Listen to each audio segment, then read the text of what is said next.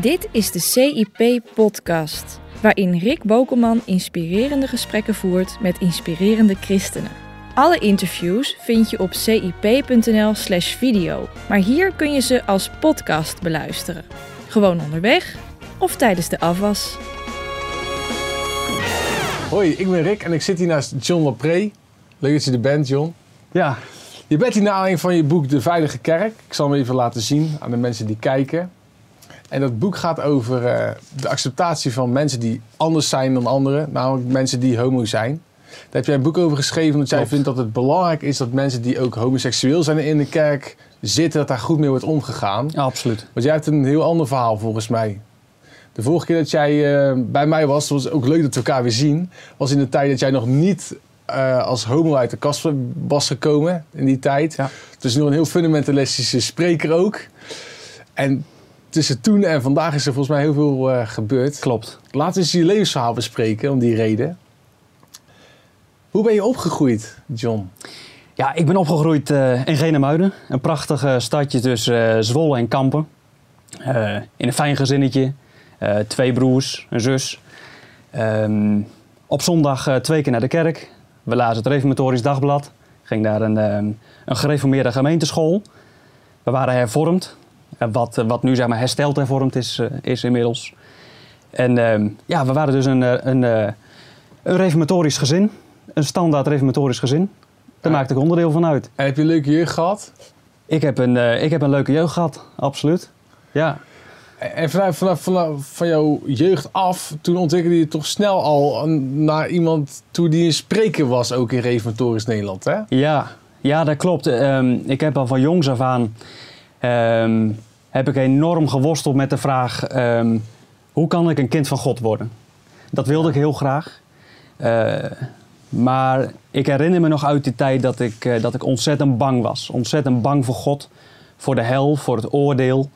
Ehm, ehm, en ik had, ik had heel, heel, heel sterk het gevoel, ehm, ja, zo kan ik niet voor God bestaan. En, Ja. en als ik nu doodga, dan gaat het echt niet goed. Dat zorgde voor heel veel angst. Ja, maar je dacht, dan ga ik misschien wel naar de hel. Ja, dan ga ik naar de hel. Ehm, en ik had heel sterk dat beeld ook, dat God in de hemel zat met een papier met daarop alle mensen van de hele wereld geschreven. Het boek des levens. Het boek des levens. eh, nou ja, goed, een, een lijst met namen waar dan zeg maar voor de een een, eh, een rood kruisje staat en bij de andere een groen vinkje. Ehm, dus dat was dan al eh, ja, door God voorbestemd wie er naar de hel zou gaan Ja. en wie naar de hemel. En ik was er bijna van overtuigd dat ik een rood kruisje had. Dat zorgde voor ontzettend veel angst. En ehm, ik herinner me nog een dag dat ik, dat, ik, eh, dat ik knielde voor de hondenmand en daar lag mijn hond Rakker in. En ehm, ik zei, God maak me alsjeblieft een hond, dan heb ik geen ziel om te verliezen. Eh, ja, zo, zo, zo diep zat die angst, eh, Ja. zeg maar. En hoe werd je daarvan verlost dan? Ehm, ik, ik heb dus heel lang met, met dat gevoel van angst rondgelopen. Toen stond ik op een, eh, op een dag stond ik voor de boekenkast van mijn, eh, van mijn broer. En er stond een boek van Willem Ouwendeel. En, ehm, Over geloofszekerheid. ja, geloofzekerheid. En daar ben ik in gaan lezen. En hij legt daarin uit in dat boek dat, dat, dat je eigenlijk niet moet afgaan op je, op je gevoel. En voordat je ehm, zegt tegen God, ik vertrouw op u, ik geef me aan u over, ik geloof in, in uw zoon als, als mijn persoonlijke redder en verlosser. Maar je moet eerst Jezus aannemen als je persoonlijke verlosser en dan komt dat gevoel vanzelf. Nou, dat was voor mij een totaal nieuwe, ja, nieuwe manier van denken. En op 13 augustus 2006, om, eh, om 17 minuten voor 9 s'avonds, heb ik, eh, heb ik mijn knieën gebogen. En ik heb gezegd, Heer Jezus, dank u wel dat u aan het kruis bent gegaan, ook voor mijn zonde. En dat was precies ook dat moment dat, dat ik een, een, een, een soort van lichtstraal in mijn hart voelde van, ik ben gered. Ja. Ik ben, ik ben een nieuw mens. Ik mag zeker weten een kind van God te zijn. En dat is op die dag gebeurd. En, ehm, Toen kreeg je een enorme passie ook om te spreken, hè? nou goed, er staat dus ergens in de Bijbel dat wie in de Zoon van God gelooft, die wordt echt een nieuwe schepping. Ja. En dat ervoer ik. Want ik zat de volgende ochtend op mijn fiets en, en, en ik fietste langs de Bergingsvijver. Dat is een, een vijver daar in Genemuiden. En ik ging naar mijn werk. En ik zag daar de eenden en ik zag daar de zwanen in dat water. En, en die waren voor mij compleet nieuw. Zelfs, zelfs de stoeptegels waren nieuw. Ehm, en ik ervoer echt, ik ben echt een nieuwe schepping. Hmm. En ik ben op die 14 augustus gelijk al gaan rondschrijven aan, aan iedereen die het maar horen wilde van eh, ja, wat Jezus wil, wil doen in, eh, in het leven van iedereen. En ook voor de reformatorische mensen die zo vastzitten in dat denken van ik moet eerst van alles voelen voordat ik naar Ja, Jezus want Dat mag. vond je heel erg, hè? Ja, ja, ja. Ehm, ik kreeg een enorm, enorme last toch wel eigenlijk eh, eh, voor, voor eh, ja, de, zeg maar de reformatorische gemeenschap. Omdat ik daar zoveel mensen intens zag worstelen en worstelen en worstelen. en zich een, een, een, ehm, een weg banen naar het kruis eigenlijk. Maar dat zij voeren van het, het, is, het is gewoon afgedekt. Ik, ik kan daar niet komen. Ja, die zijn ook bang van God, Ja. van de hel. Ja, precies. En ik had die angst natuurlijk gevoeld. Ja. En ik wist dat er nog zoveel duizenden anderen waren die Mhm. daar ook ontzettend mee worstelden. Ja. En ehm, ja, toen ben ik aan vrij snel gaan schrijven, spreken, eh, op allerlei plekken. Ja. En toen kwam ik ehm, al vrij snel eh, ja, goed in contact met, eh, met een stichting hier in Nederland die zich inzet voor herleving binnen kerken. En daar ben ik werkzaam geworden. En dat vond je mooi. Dat vond ik prachtig. Want in die tijd, ja, nogmaals, toen maakten wij voor het eerst video's. Ik zat bij jou thuis op de Toen bank. zat je thuis op de Toen zat je met een klein cameraatje voor mijn neus. ja, nu En, hebben we eh, er drie en cameramannen, maar toen was het allemaal anders. ja. En zul je met passie te vertellen over heiliging en over geloofszekerheid en ehm, over gebed, dat soort dingen. ook. Ja. Maar ja. wat blijkt nou achteraf, is dat toen worstelde je al wel heel lang met homoseksuele gevoelens. Ja, ja, klopt. Ja, vanaf mijn veertiende. Vanaf mijn veertiende dat, dat, dat ik, dat ik ehm, ja, gewoon ervoer. Ik ervaar geen aantrekkingskracht op meisjes, maar wel tot jongens. Ja, Ontzettend verwarrend. Omdat ik in de kerk eh, toch ook, eh, ook regelmatig hoorde dat alles wat af, afwijkt van het huwelijk tussen man en vrouw, dat dat, dat, dat, is een eh, zonde. ja, dat dat een zonde is. Ehm, en er werd ook vaak gebeden ja, voor de anders geaden, zoals het dan werd genoemd. Ehm, en die werden dan toch vaak in hetzelfde rijtje gezet van, van ziek en kreupelen. Soms zelfs in het rijtje van verstandelijk gehandicapten. Ehm, ja, dat gaf voor mij een, een, een gevoel dat het toch echt wel heel zondig was. Dus het was heel verwarrend toen ik dat ja, voor mezelf ervoer. Ja. Ehm, En wat deed je daar dan mee? ik heb dat stilgehouden. Ik heb dat heel lang stilgehouden. Dat was mijn persoonlijke worsteling. Want ik denk in die tijd waren er heel wat christelijke vrouwen die dolgraag met de populaire spreker. Ja, natuurlijk. Wat denk jij? Trouwen. Ja, geen- maar geen idee. Nee, Maar- maar dat was het volgens mij wel. Je was ook heel in die tijd wel redelijk populair. Je kan, je kan goed spreken, nu nog. En je wist ook in de kerk allemaal mooi te vertellen. Ja, en je, bent, je lacht leuk en dat soort dingen. Dus, maar het is apart dat mensen als ik dus naar jou hebben gekeken. Dacht, nou, dat is een, bij wijze van spreken een gedroomde christelijke spreker. Hè? Die zie je over een paar jaar bij opwekking op het podium of zo. Maar ondertussen was er een heel ander verhaal in jouw leven aan de ja, gang. Ja, ja, zeker. Ja, dat was, eh, dat was mijn persoonlijke worsteling eh, in, die, eh, in die tijd. En, en, en daar ben ik behoorlijk ehm, ja, toch wel gebukt onder gegaan. Want ik herinner mij nog, ehm, nog talloze avonden dat ik, dat ik, eh, dat ik eh, naar een, ehm, een locatie ging om te spreken. Mhm. Of, eh, of op zondags ging ik dan twee keer preken, toch wel meestal, of één keer. En dan kwam ik thuis ehm, en dan voelde ik me zo, zo stik alleen. Omdat? En omdat ik zo verlangde naar een arm om me heen. Zo verlangde naar een klein beetje liefde. Waarom ervoer je dat dan niet? Ik ervoer natuurlijk de liefde van God. Ehm, maar ik ervoer dat een, een, ehm, een relatie met een vrouw, dat dat ja, voor mij niet was weggelegd. En ik heb dat wel geprobeerd in die tijd. Maar ook tijdens die relaties wist ik van, eh, ja goed, ik, Het gaat er ik niet hou worden. dit niet vol. Ik, ik, ik hou het niet vol. Wa- Want eh, omschrijf het eens, waarom hou je het dan niet vol? Omdat... eh, Ja, ik kan me dat moeilijk voorstellen. ja, natuurlijk op natuurlijk, vrouwen val. Dus ja, ja, natuurlijk. wel hartstikke leuk, gezellig. eh, Nou ja, goed, je moet je voorstellen. Kijk, stel voor dat jij, dat jij een, een, een relatie zou, eh, zeg maar zou aangaan met een man. En dan zou je al snel ervaren van, ja, een vriendschap zit er wel in. Ik kan er goed mee praten. Maar een relatie en intimiteit, ja, goed, dat gaat gewoon niet. En zo heb ik dat met een vrouw. Ehm, dus een, een relatie met een meisje, dat voelde voor mij al heel snel als ontzettend beknellend. ja, dat je geen lucht krijgt. Ja, precies. Ja, ja. En dacht je dan... En dan voel je dus heel eenzaam. Omdat je eigenlijk wist, ja, er is hier iets aan de gang wat... Ja, wat, wat enorm aan mij knaagt. Want ik voel me aangetrokken tot mannen. Ja. Er was natuurlijk een gigantisch contrast. Want zondag op de kansel, waar je sprak... was het natuurlijk jij een soort van toonbeeld van de radicale christen of zo. Ja. Dat speelde misschien ook mee, dat het daardoor extra moeilijker was. Want je was al een radicale jongen, om het zo maar even zacht uit te drukken. Ja, ja dat klopt. Ehm, ik was eh, radicaal. Nu als ik daarop terugkijk, eh, ja, moet ik misschien wel zeggen dat ik soms radicaal was om maar radicaal te zijn. Ehm, veel bidden, veel Bijbel lezen, veel mensen over Jezus vertellen. ja, Dat is ja. hoe ik me jou herinner uit die tijd. Ja, ja dat klopt. Dat klopt. En, en, En, dat deed je ehm, ook misschien een beetje om het radicaal zijn. Ja, ik heb dat vanuit de goede intenties gedaan, maar ik ging er soms wel met gestrekt been in. En als ik nu, als ik nu dan eh, zeven, acht jaar later eh, terugkijk, ja, denk ik eh, dat ik dat ja, misschien iets anders had moeten aanpakken. Eh, meer meer vanuit, vanuit, vanuit de liefde van Christus. Ehm, die, die zeg maar de bron is van, van hoe wij ons leven inrichten. In plaats van dat ehm, het christen zijn van ons vraagt dat we radicaal zijn. Ja, er komt Want- er misschien een agressief ondertoontje in. Ja, exact. Ja. Exact. En ja, goed, dat komt er misschien ook wel ja, vanuit de omgeving waarin ik destijds eh, ook werkte. Ehm, ja, dat het daar ook vrij normaal was dat er op die manier eh, ook werd omgegaan met heiliging van het leven bijvoorbeeld. Ja. En ehm, Maar als er dan zo'n sterke neiging ligt op ook het heilige leven, hè, want Ja. dat was ook heel belangrijk voor jou in die tijd.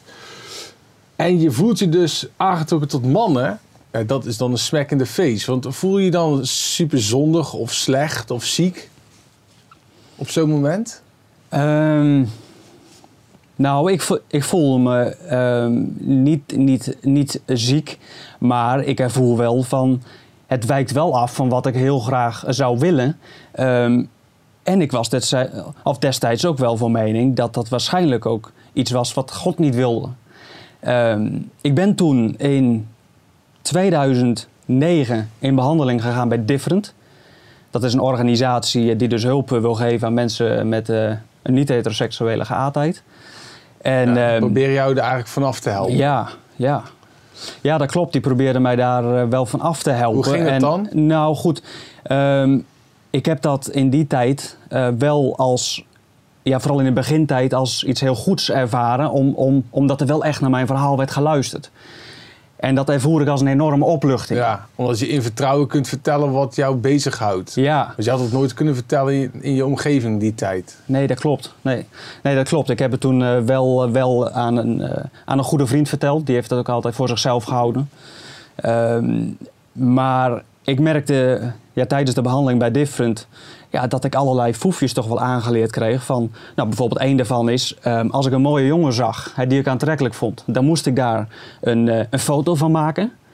En dan, In je dan, hoofd of echt een je- foto. Nee, nee, nee, in mijn hoofd. In mijn hoofd. En, en dan zou ik die foto afgeven aan God. En dan zou ik tegen God zeggen, alstublieft, hier is de foto. En door het zo te doen, zou ik eigenlijk eh, mijn gevoel iets meer gaan rationaliseren, waardoor ik het beter zou kunnen kaderen. Mhm. Eh, nou goed, dat heb ik dus een aantal keren gedaan, maar dat lukte niet, want ik bleef dus die gevoelens houden. Ja. Hoe, hoe meer ik er tegen streed, hoe harder de boemerang weer terugkwam. Ehm, en hoe meer strijd er ontstond.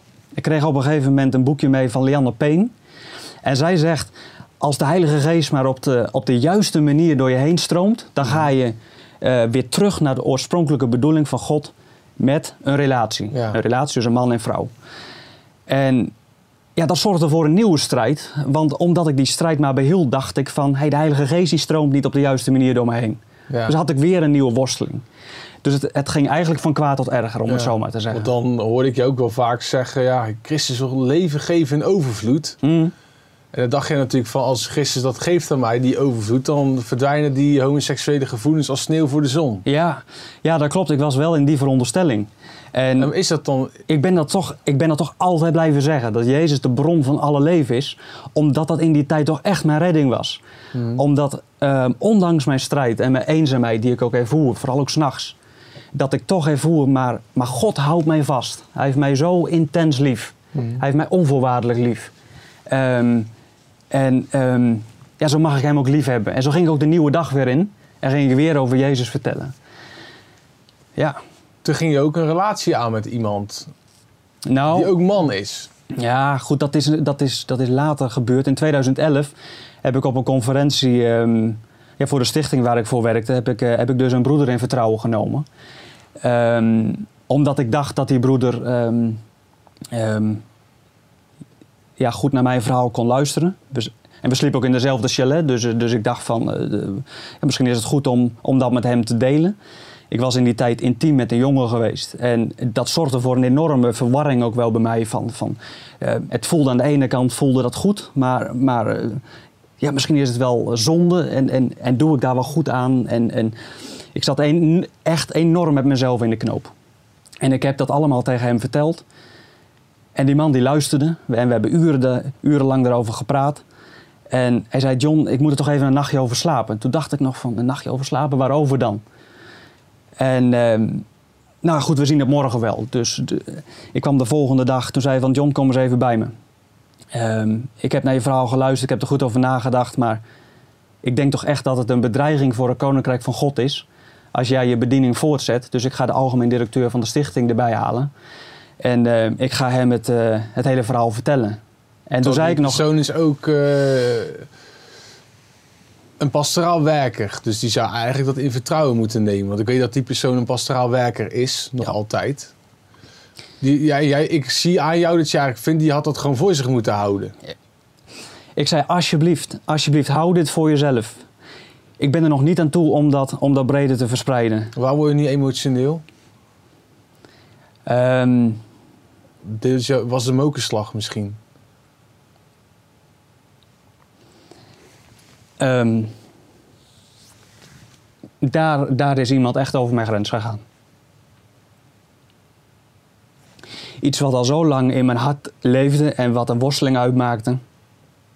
Dat, dat, ehm, ja, dat verhaal wat ik in vertrouwen vertelde, waar ik urenlang gewoon mijn ziel en zaligheid op tafel heb gelegd. Dat dat de volgende dag al bij zoveel andere mensen ja, terecht kwam. En dat dat ervoor zorgde dat ik op non-actief werd gesteld. Dat mijn gemeente op de hoogte werd gebracht. Dat ik, dat ik ja, die gemeente heb moeten verlaten. Ehm, Toen jij misschien helemaal nog niet eruit was of je ook als homoseksueel door het leven wilde gaan. ja, dat waren vragen die nog niet... e- Ja, die, die, die zeg maar nog niet eens aan de orde waren gekomen. Kijk, nu weten we, ik weet nu dat jij getrouwd bent, gelukkig, met een man. Ja. Maar toen was je helemaal nog niet op het punt dat je misschien al dacht van... ik ga een relatie toch starten met een man of ik ga er toch... Zeker niet. Nee, absoluut niet. Nee, daar was ik nog helemaal niet mee bezig. Dat, eh, ja, dat was mijn vraag ook op dat moment niet van... kan ik wel een relatie aangaan, ja of nee? En er werd tegen jou gezegd dat jij een bedreiging was voor het koninkrijk. Was je dat ook? Ehm, nee, waarom? Nee, waarom zou ik, zou ik een bedreiging zijn voor, voor het Koninkrijk van God? Ja, omdat je homoseksuele gevoelens hebt, denk ik dan. Dat is dan hoe En mensen ik- hebben beredeneerd. Ja, en omdat ik intiem zou zijn geweest met die jongen misschien? Dat is niet heilig genoeg of zo. Ja, ja, En, Ja. en daar, daar kan de duivel gebruik van maken of zoiets in die trant. ja. Dus nu, moet, nu gaan we John uit zijn functie ontheffen. Ja, ja. Ik heb op dat moment heb ik, eh, heb ik ervaren toen in die, in die 48 uur dat alles zo, zo gigantisch geëscaleerd is, dat ik, dat ik een thema werd. Ehm, dat ik, ik, ik, ik, ik voelde mij, kan ik nu achteraf zeggen, echt gedehumaniseerd. Er was geen oog meer voor. Hé hey John, even, even los van wat we hier nou van vinden. Maar hoe gaat het nou echt met je? En, en hoe kan ik je bijstaan? Hoe kan ik je helpen? Nee, het eerste waar men op focuste van... hey John, je hebt echt een probleem. Je moet geholpen worden. Je bent ziek. Ja, je bent ziek. Je hebt echt, echt een probleem. En we moeten hier iets mee. En je wil geen hulp? Oké, dan ga je maar. Want dat eh, werd er toen ook gezegd in de wandelgangen dat jij geen hulp zou willen. Maar dat klopt dus niet, want jij bent bij Different geweest. En je hebt het ook tegen die man gezegd. Dus dat klopt ook dan niet. Nee, dat is, dat is behoorlijk eh, strijdig. Ja. Wat is er in die 48 uur nog meer gebeurd, behalve dat de directeur is ingelicht toen? ja, die directeur is ingelicht. Die heeft eh, eh, een paar uur nadat hij ervan op de hoogte was... de voorganger van mijn gemeente destijds gebeld. Ehm, ik ben daar toen naartoe gegaan. Ehm, ik woonde op dat moment ook in een broederhuis in, eh, in Sliedrecht. Die voorganger die zei van je kunt daar ook niet meer blijven wonen. Want er zitten Want dat is de kat op spek binden. En, ehm, en goed, we gaan nu nog deze avond... Ik neem een, een broeder de broederraad mee. Dan gaan we naar je huis. Eh, en pak je koffer maar. Je krijgt een uur om de boel in te pakken. En om, om dat huis te verlaten. Dat heb ik gedaan. Werd er ook echt gezegd een uur? Ja. Of werd er gezegd, hey, we gaan gewoon even die spullen halen. Zullen we dat doen? Vind je dat goed? Ja, eh, nou ja, Het goed. lijkt alsof je wordt afgevoerd of zo. Ja. Dat is het beeld wat ik nu krijg. Ik pakte, me, ik pakte mijn koffer en, en ze zouden daar, eh, ja, goed, daar naartoe gaan. En ze stonden ja, gewoon bij de ingang op mij te wachten tot ik klaar was. En, en ehm, ja, Hoe voelde dat? nou ja, dat ik dus snel mijn spullen moest, moest pakken. Eh, Ik, ik moest uit die situatie. Ik moest, ik moest daar weg. Ehm, en toen eh, ben ik s s'avonds om 11 uur, ik weet het nog heel goed, eh, ja, dat ik in de stromende regen in mijn auto stapte. En toen ben ik naar huis gegaan. Of naar mijn ouderlijk huis. Ehm, en daar ehm, ja, zaten mijn ouders te wachten. Die wisten het ook al. Ja, mijn ouders die wisten al eh, dat ik in behandeling bij Different eh, was. Oké. Maar die wisten het niet eh, natuurlijk dat het op deze manier eh, was geëscaleerd. Ehm, maar die hebben mij met open armen ontvangen. Toen, eh, toen de volgende dag heb ik nog een telefoongesprek gevoerd. En toen zei iemand eh, tegen mij aan de andere kant van de lijn van... eh, John, ik ken iemand anders. Die had ook een bloeiende bediening. Maar die kreeg kanker. En ehm, Daarmee werd bedoeld, als jij zo doorgaat, krijg je ook kanker. Dan gaat God zo straffen. Dan was direct het gevoel natuurlijk wat dat bij me opriep, zo'n opmerking. Eh, ja, toen viel bij mij echt, echt het doek. Toen werd het heel, heel donker. Hoe eh, donker? ja, toen werd het heel, heel donker. Toen, toen ben ik... eh, ja, toen heb ik de kamerdeur heb ik dicht gedaan en ik heb gebonst tegen de muren. En, en, en ik zei, God, God, het is allemaal over nu. En alle fundamenten van mijn leven waren, waren toen ja, weggeslagen. En het enige wat ik over had was God. En ik zei, God, alsjeblieft, laat me iets, iets van licht zien dan. En dat heeft God gedaan. Hij heeft, hij heeft licht laten zien. Alsof hij tegen me zei van, van, van John, mensen kunnen je nu afschrijven, kunnen je als een prop papier weg, wegschieten. Maar ik hou van je.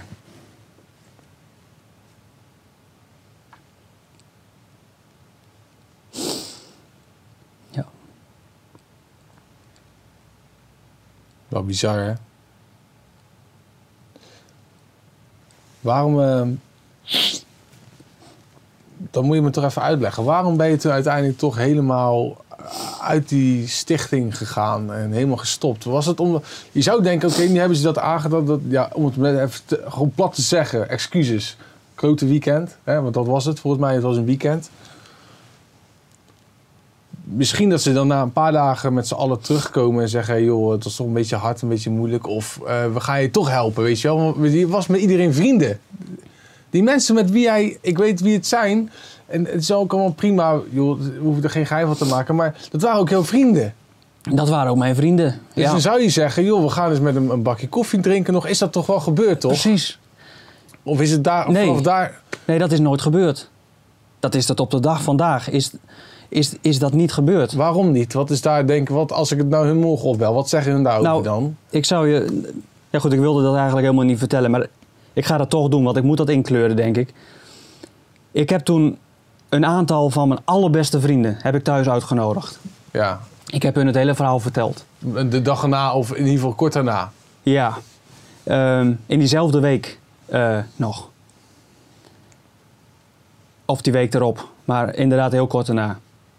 Ik heb het verhaal verteld. Ehm, de een na de ander ging, ging, ging s'avonds weg. En toen kreeg ik de volgende ochtend een mail van een van die vrienden. En die zei van... John, ik kan niet langer jouw vriend zijn, want ik mag geen gemeenschap hebben met het onreine. Dus jij was een malaatse geworden. Ja, Een onreine. Ja. Ja. Helaas. Maar toen had je niet gezegd, ik ga voor de rest van mijn leven als homoseksueel door het leven.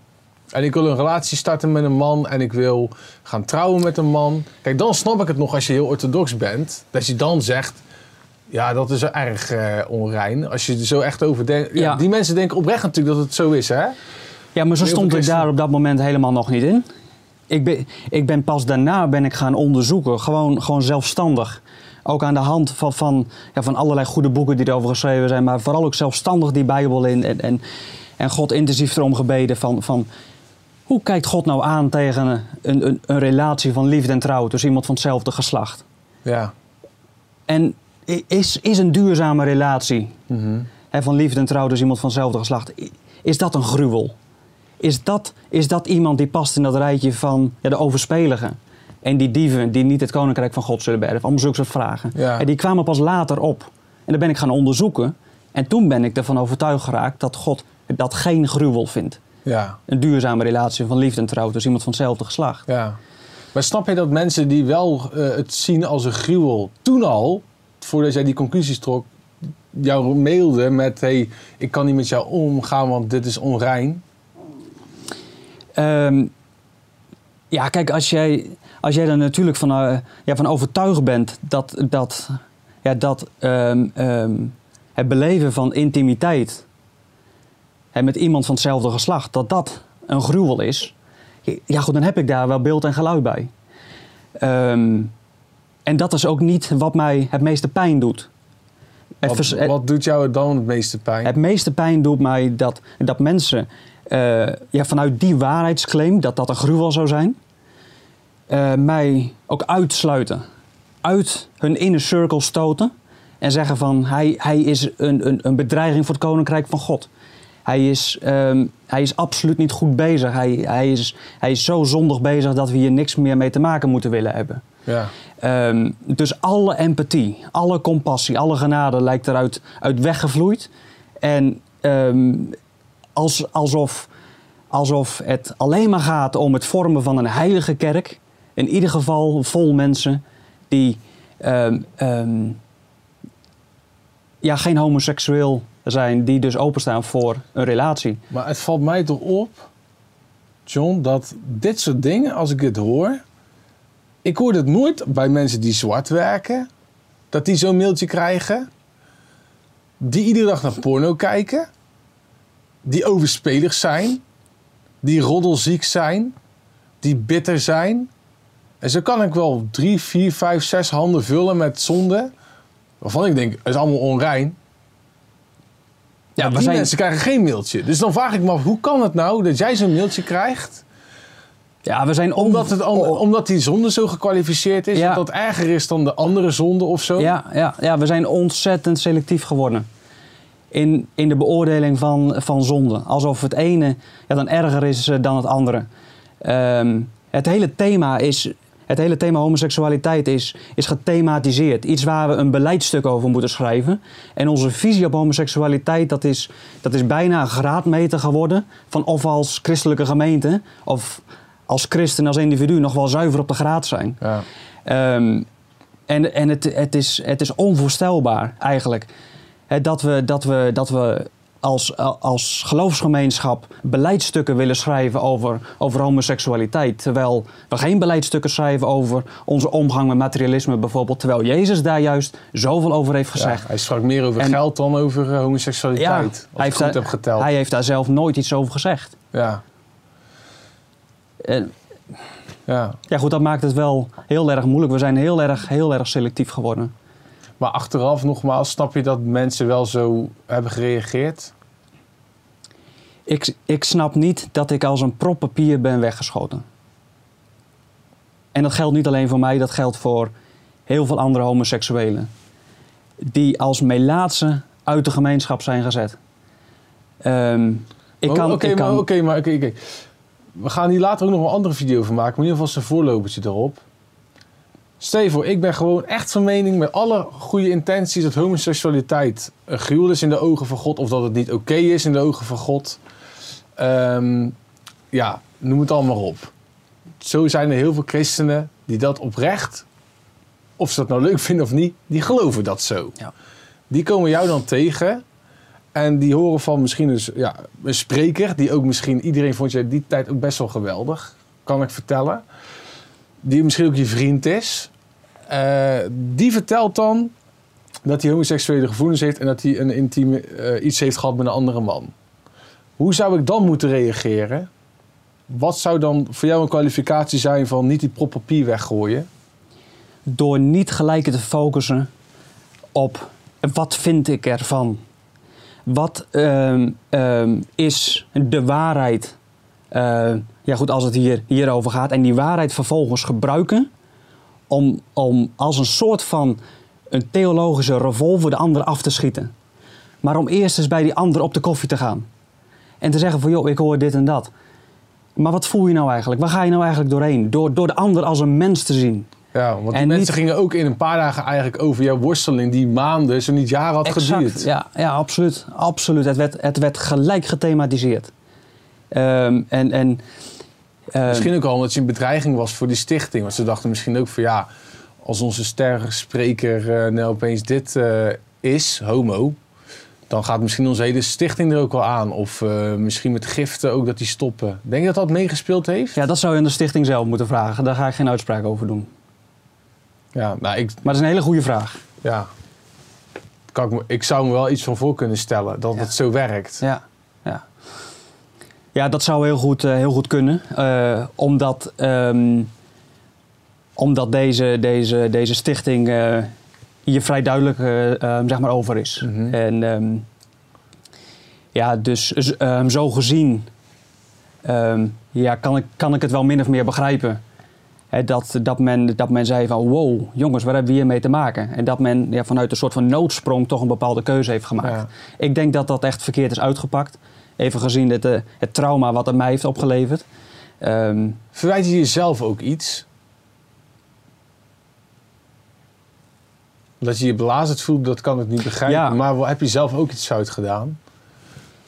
ehm, heb ik zelf iets, iets je fout jezelf gedaan? verwijt van ja, dat trauma, ja, met alle respect natuurlijk. Ja. Misschien heb ik het ook een beetje aan mezelf te danken. Ehm, ik heb, ik heb toen, toen, toen ik een, een, een hele lading aan, aan, aan negativiteit eh, kreeg en, en, en, en veroordeling en, en uitsluiting en voer.